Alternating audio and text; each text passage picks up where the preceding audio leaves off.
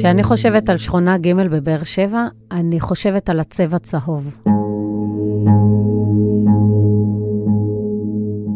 זו דוקטור הילה צבן, ראש המחלקה לניהול תיירות ומלונאות במכללה האקדמית כנרת, סוציולוגית, אנתרופולוגית וחוקרת עירונית. וככה היא תיארה לי את שכונה ג' בבאר שבע. משהו מאובק בעיר מדברית, הצבע קצת מתקלף, השכונה קצת מלוכלכת, כל מיני אנשים מסוגים שונים, ערבים, יהודים, צעירים, מבוגרים, אשכנזים, מזרחים. יותר מזרחים, יותר אתיופים, ריח חזק מאוד של פלאפל בכל השכונה. הלוטו טוטו במרכז המסחרי, שהוא מקום מפגש, ריח חזק של סיגריות, משהו מאובק, משהו מוזנח.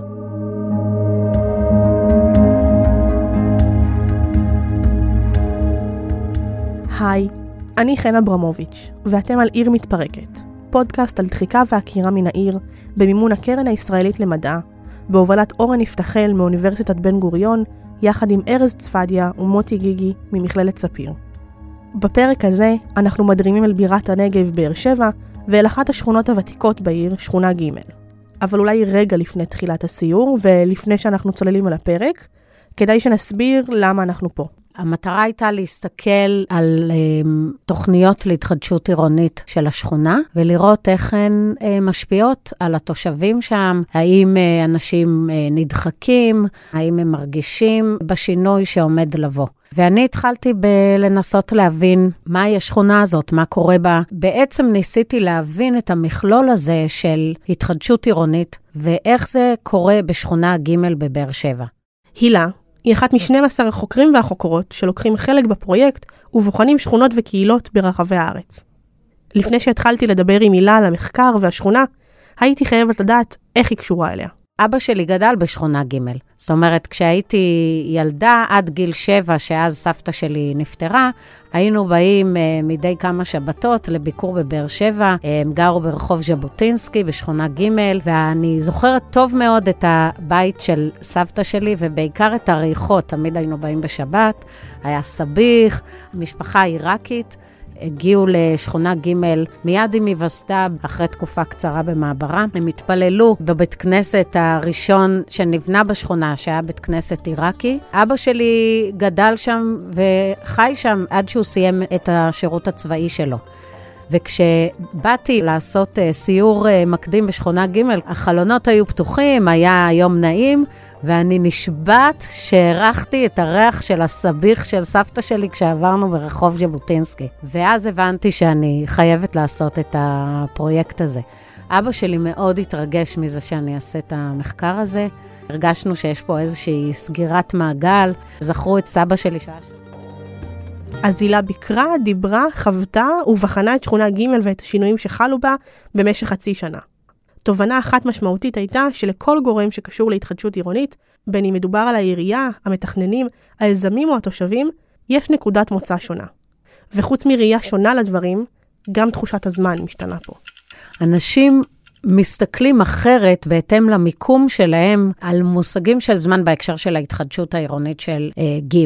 יש לנו את מומחי הנדל"ן, נקרא להם, זה היזמים, המתווכים, הקבלנים. אלה אנשים שמבחינתם השינוי כבר קרה, של עליית מחירים מאוד משמעותית. הרבה מאוד ספקולציות נדל"ניות של אנשים שגרים במרכז הארץ ומבינים שבאר שבע יש בה דיור זול אה, שאפשר להשכיר במחירים יפים ולעשות תשואה מאוד יפה. זאת אומרת שאנשים הגיעו למצב שהם קונים לפעמים דירות על הנייר. הם קונים דירות בהתאם לכתובת מגורים, בלי אפילו לפעמים לבוא לראות את הדירה ולהתרשם ממנה.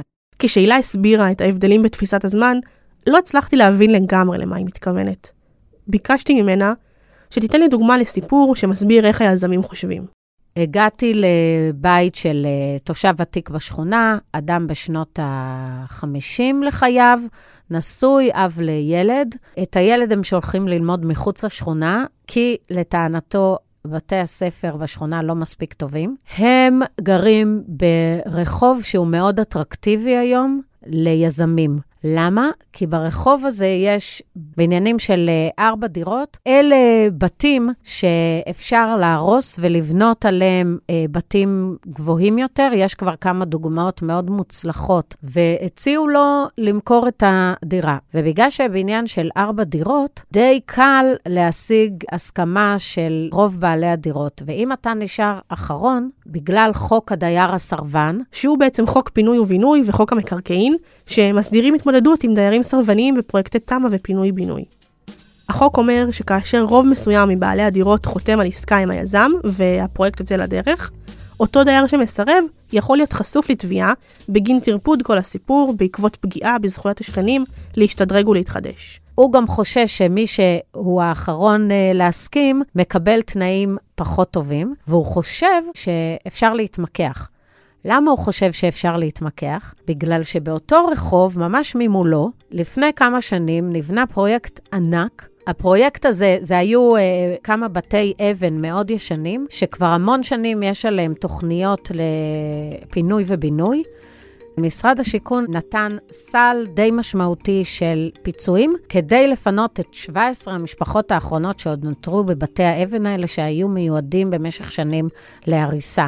הם לקחו קבלן ונתנו לו סל פיצויים של כ-30 מיליון שקל כדי להגיע להסכמים תוך זמן קצר עם המשפחות האלה. אז בשכונה נפוצה השמועה שאפשר לקבל סכום עתק של כסף, כ-2 מיליון שקל, או שתי דירות, ארבע דירות, כל מיני שמועות מופרכות, מיזמים שרוצים לבנות שם. אותו אדם חשב שהוא עצמו יוכל להגיע לעסקה מאוד טובה, והוא אמר, אני לא גרידי, אני רוצה לגור בבית על הקרקע. פה באזור שכונה ג' טובה לי, אני רגיל אליה, שייתנו לי מפתח תמורת מפתח. עכשיו, את שומעת את זה ואת מבינה שאין סיכוי שהבן אדם הזה יקבל את מה שהוא רוצה. מה הוא עתיד לקבל? הוא עתיד לקבל דירה בבניין שלו, שנהרס ונבנה מחדש, דירה הרבה יותר טובה, הרבה יותר גדולה, עם מרפסת, תנאי מגורים טובים יותר, עם צנרת חדשה, אבל דירה בבניין. ואם קודם היו לו עוד שלושה שכנים, עכשיו הולכים להיות לו עוד איזה 15, 20 שכנים. ובוודאי שהולכים להיות אנשים שיגורו דירה מעליו. זאת אומרת, הוא הולך לקבל דירה בבניין הרבה יותר גדול. אז היזמים רואים את השינוי וההתחדשות כמשהו שכבר קרה. אבל יש כאלו שרואים את השינוי כתהליך עכשווי, שקורה בהווה. התושבים של השכונה, מבחינתם, הם כבר עשורים ארוכים רואים את השכונה מידרדרת לנגד עיניהם, והם שומעים כל מיני הבטחות ותוכניות, והם לא באמת מאמינים שמשהו עשוי לקרות. כולם מבינים שתנאי הדיור שלהם הולכים להשתנות באופן מהותי. למצב שבו נמצאים תושבי השכונה, הילה נתנה שם. היא קראה לזה דחיקתיות טורדנית. פוטנציאל שאני אדחק מהבית שלי, שתנאי המגורים שלי הולכים להשתנות בצורה דרמטית. הפוטנציאל שזה יקרה זורע אצלי מחשבה מטרידה שמשהו הולך לקרות, ואני לא יודעת כמה מהר הדבר הזה יגיע. האם אני עצמי אוכל להישאר פה? האם השכנים שלי יישארו פה? באיזה סוג של בניין אני אגור? האם שווה לי עכשיו להשקיע בגינון של הבניין שלי או לא? זאת אומרת, הטורדניות הזאת היא מאוד משמעותית לאנשים. גם פה ביקשתי מהילה לספר לי איך היא ראתה את הדחיקתיות הזאת אצל אנשים ומשפחות שפגשה. יום אחד קבעתי דרך שכן ברחוב שאבא שלי גר בו, והגעתי לדירה ברחוב גוש עציון בשעות הבוקר. בדירה חיכו לי אותו אדם שקבעתי איתו, אשתו, האבא של אשתו, אשתו של הבן והתינוקת שלהם. ארבעה דורות של משפחה. כל האנשים האלה היו בדירה בשעות הבוקר כשאני באתי לעשות את הריאיון. רובם כנראה לא עובדים, והבית שלהם הוא באחד הרחובות הכי מוזנחים של שכונה ג', גם בתוכניות להתחדשות עירונית לשכונה, ברור שהוא יהיה בין האחרונים, אם לא האחרון, שיקבלו מענה. זה אזור שהוא כל כך uh, מתפורר, שלא שווה כרגע לעשות בו התחדשות עירונית, היה למשפחה הזאת מאוד מאוד חשוב להסביר את מצבם, לספר לי סיפורים על הקשיים היומיומיים שהם uh, עומדים בהם. אנשים שמתארים קושי לעמוד בהוצאות של ארוחת ליל שבת, בחיים כל הזמן על uh, קרדיט במכולת. אנשים uh, שמעידים על עצמם כאנשים פשוטים. שישמחו להזדמנות לשפר את תנאי החיים שלהם. הם לא רוצים בהכרח לעבור דירה.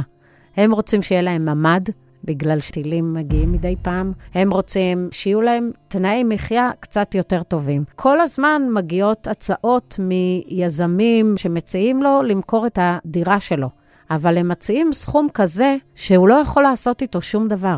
הוא אומר, עד היום הציעו לי 900 אלף שקל לדירה שלי. אם יציעו לי מיליון 200, אני הולך. עם 900 אלף אין לי לאן ללכת, אני יכול רק לעזוב את באר שבע ולעבור לאופקים, אבל אני לא רוצה לעשות את זה. כל החיים שלי הם פה בבאר שבע.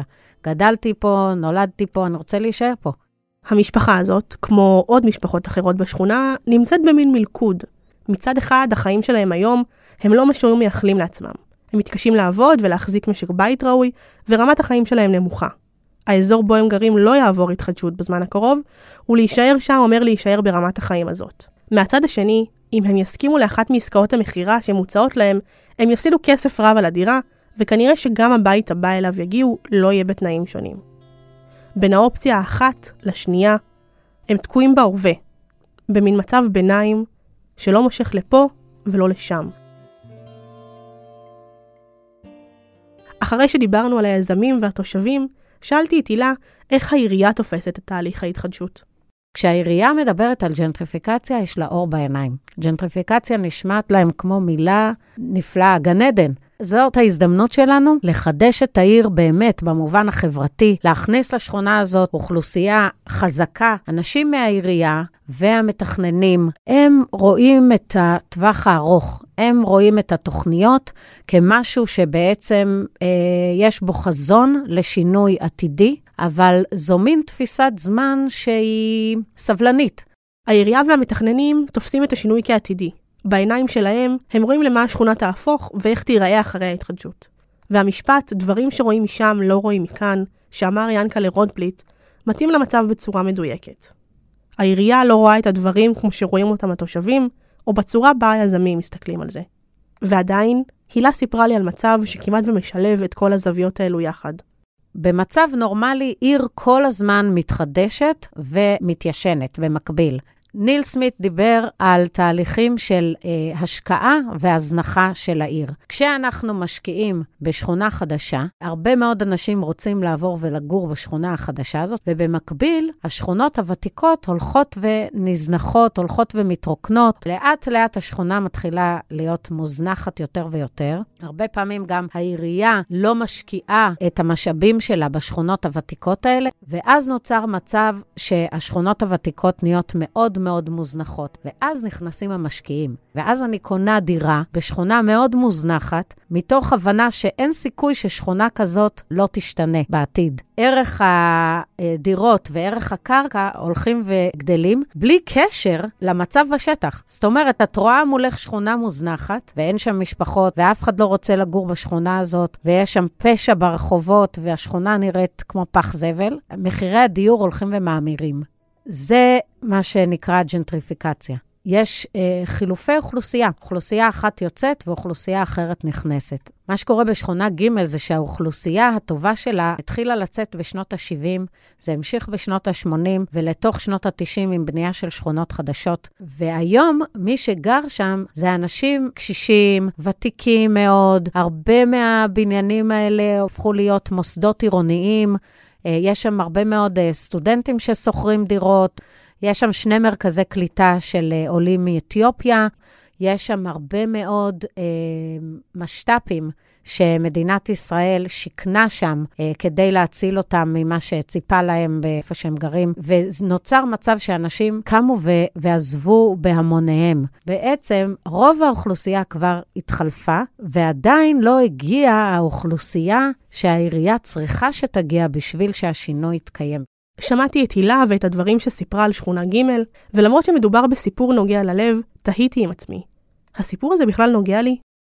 מה שקורה בשכונה ג' בבאר שבע, ללא ספק מייצג מה שקורה בהרבה מאוד שכונות בישראל. המימון לתוכנית ההתחדשות של שכונה ג' הגיע מכספי הרשות להתחדשות עירונית שיושבת במשרד השיכון. זאת אומרת, יש פה מנגנון של תכנון מלמעלה. הרבה מאוד שכונות ותיקות בישראל מועמדות היום לתוכניות התחדשות עירונית מהסוג הזה. במנהל התכנון של uh, ישראל, uh, יעד לבנות 2.6 מיליון דירות חדשות עד 2040, מהן 900,000 בהתחדשות עירונית. איך מגיעים ליעד כזה? מתכננים התחדשות עירונית בקנה מידה מטורף ברמה של שכונה המשמעות היא שבוודאי שאותו דבר יכול לקרות לא רק בבאר שבע, אלא גם בנתניה ואור יהודה, אה, אור עקיבא, אופקים, אה, דימונה, קריית שמונה, הרבה מאוד ערים ותיקות, אבל לדבר הזה יש משמעויות לחיים של אנשים שגרים בשכונות האלה.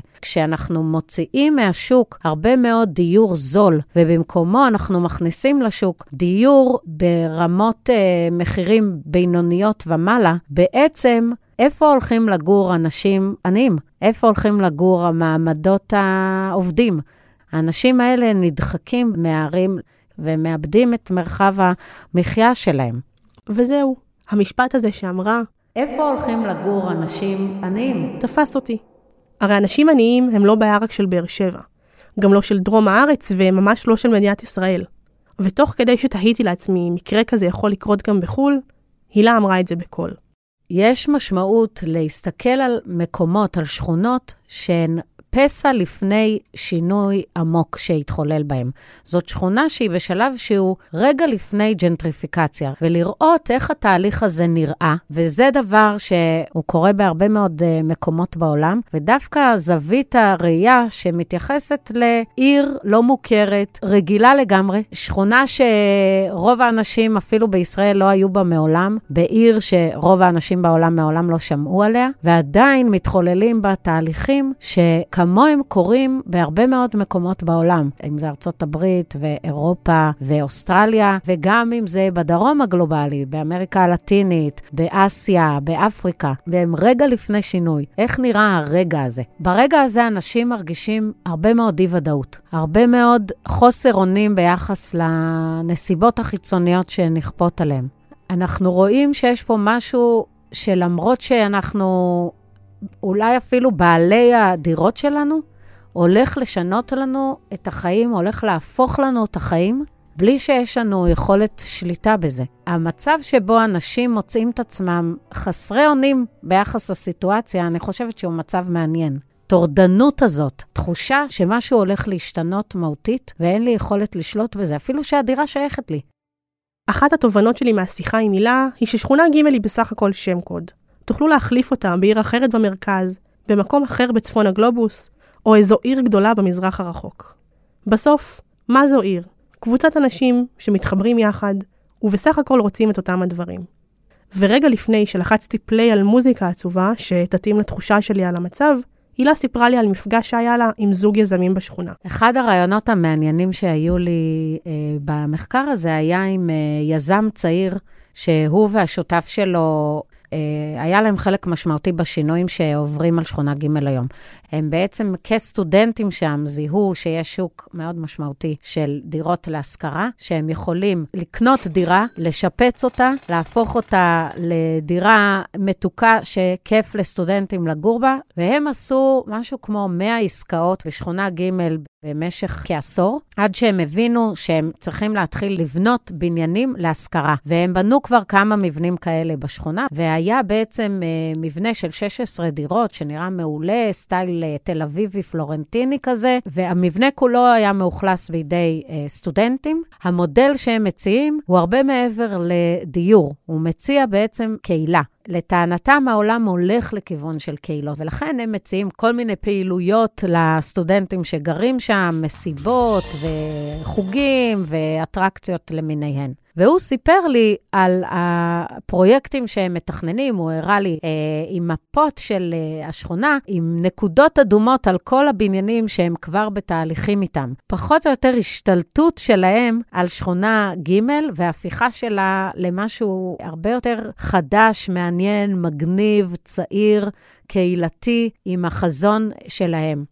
והוא דיבר על המילה ג'נטריפיקציה. הוא אומר לי, רגע, ג'נטריפיקציה זה מילה רעה בעינייך? וניסיתי להסביר לו שבעיניי ג'נטריפיקציה, הצד השני של ההתחדשות והמגניבות והניקיון והדבר החדש הזה שאנחנו רואים מול העיניים, הצד השני של זה הוא שאנשים נדחקים מהבתים שלהם ולא יכולים להישאר בשכונה הזאת. ואז הוא אמר לי, אז בעצם אני חלק מהתהליך הזה. גם בסיפור הזה יש איזה מלכוד. כאילו אנחנו צריכים לבחור מה נשים קודם, את הרצון בהתחדשות או פיתוח של המצב האישי שלנו, או להסתכל על המצב מרחוק, לבחון את השכונה, הקהילה והתושבים. שני היזמים האלו והפעילות שלהם כנראה שמשקפים את הדור הזה. מירב אהרון גוטמן ודפנה לוין קוראות לזה דור המינוף העצמי. שאנשים יכולים לשפר את תנאי חייהם בעזרת ההתחדשות העירונית. הם מקבלים תמורה בעבור הדירות שלהם, הם יכולים לרכוש משהו אחר, או שהם יכולים להישאר בבית אה, שבו הם אה, גרו כל הזמן, רק בדירה שהיא טובה יותר, עם תנאי מגורים אחרים. הם יכולים למכור אחרי זה את הדירה, הם יכולים בעצם להרוויח כסף מהמהלך הזה. אבל בתוך התהליך הזה, אנשים מפסיקים להסתכל על הבתים שלהם כהבית שלי, ארבעת הקירות שבתוכם בניתי את החיים שלי, ומתחילים להסתכל על הבית כעל נכס נדל"ני, משהו שאני יכולה לעשות ממנו כסף, משהו שהוא מנותק ממני, מהרגשות שלי, מהחיים שבניתי בתוכו. אנחנו כבר 20 דקות לתוך הפרק, וגם מתקרבים לקראת הסוף, ויש סיכוי שאתם יושבים ואומרים, נו, תגיעי לפואנטה, התחדשות עירונית, זה טוב או רע. אנחנו נוכל לבחון התחדשות עירונית מאלפי זוויות שונות, ולחשוב על יתרונות וחסרונות, ועדיין, בשורה התחתונה, אנחנו לא יודעים איך לחתום את הדבר הזה. וגם מי אני? הרי אני בדיוק כמוכם פה. כל המטרה היא שנבין יחד את הנושא הזה. אחרי שעברנו ודיברנו על כל ההיבטים במחקר, וסקרנו את שכונה ג', החלטנו שבסוף השיחה נגיע לשאלה הכאילו פשוטה. זה טוב או רע?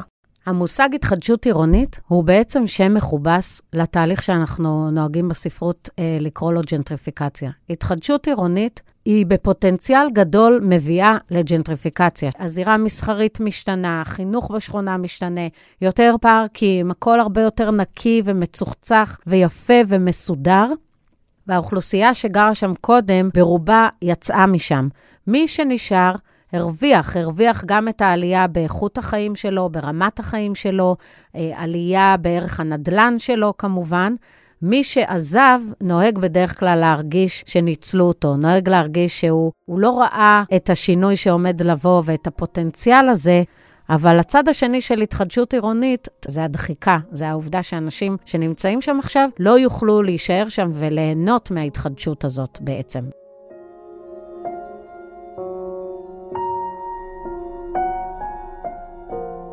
תודה רבה לדוקטור הילה צבן על השיחה המרתקת. בפרקים הבאים נמשיך לדבר על ערים, קהילות ושכונות בישראל, שאולי יעזרו לכם ולי להבין איך אנחנו רוצים שייראה העתיד שלנו.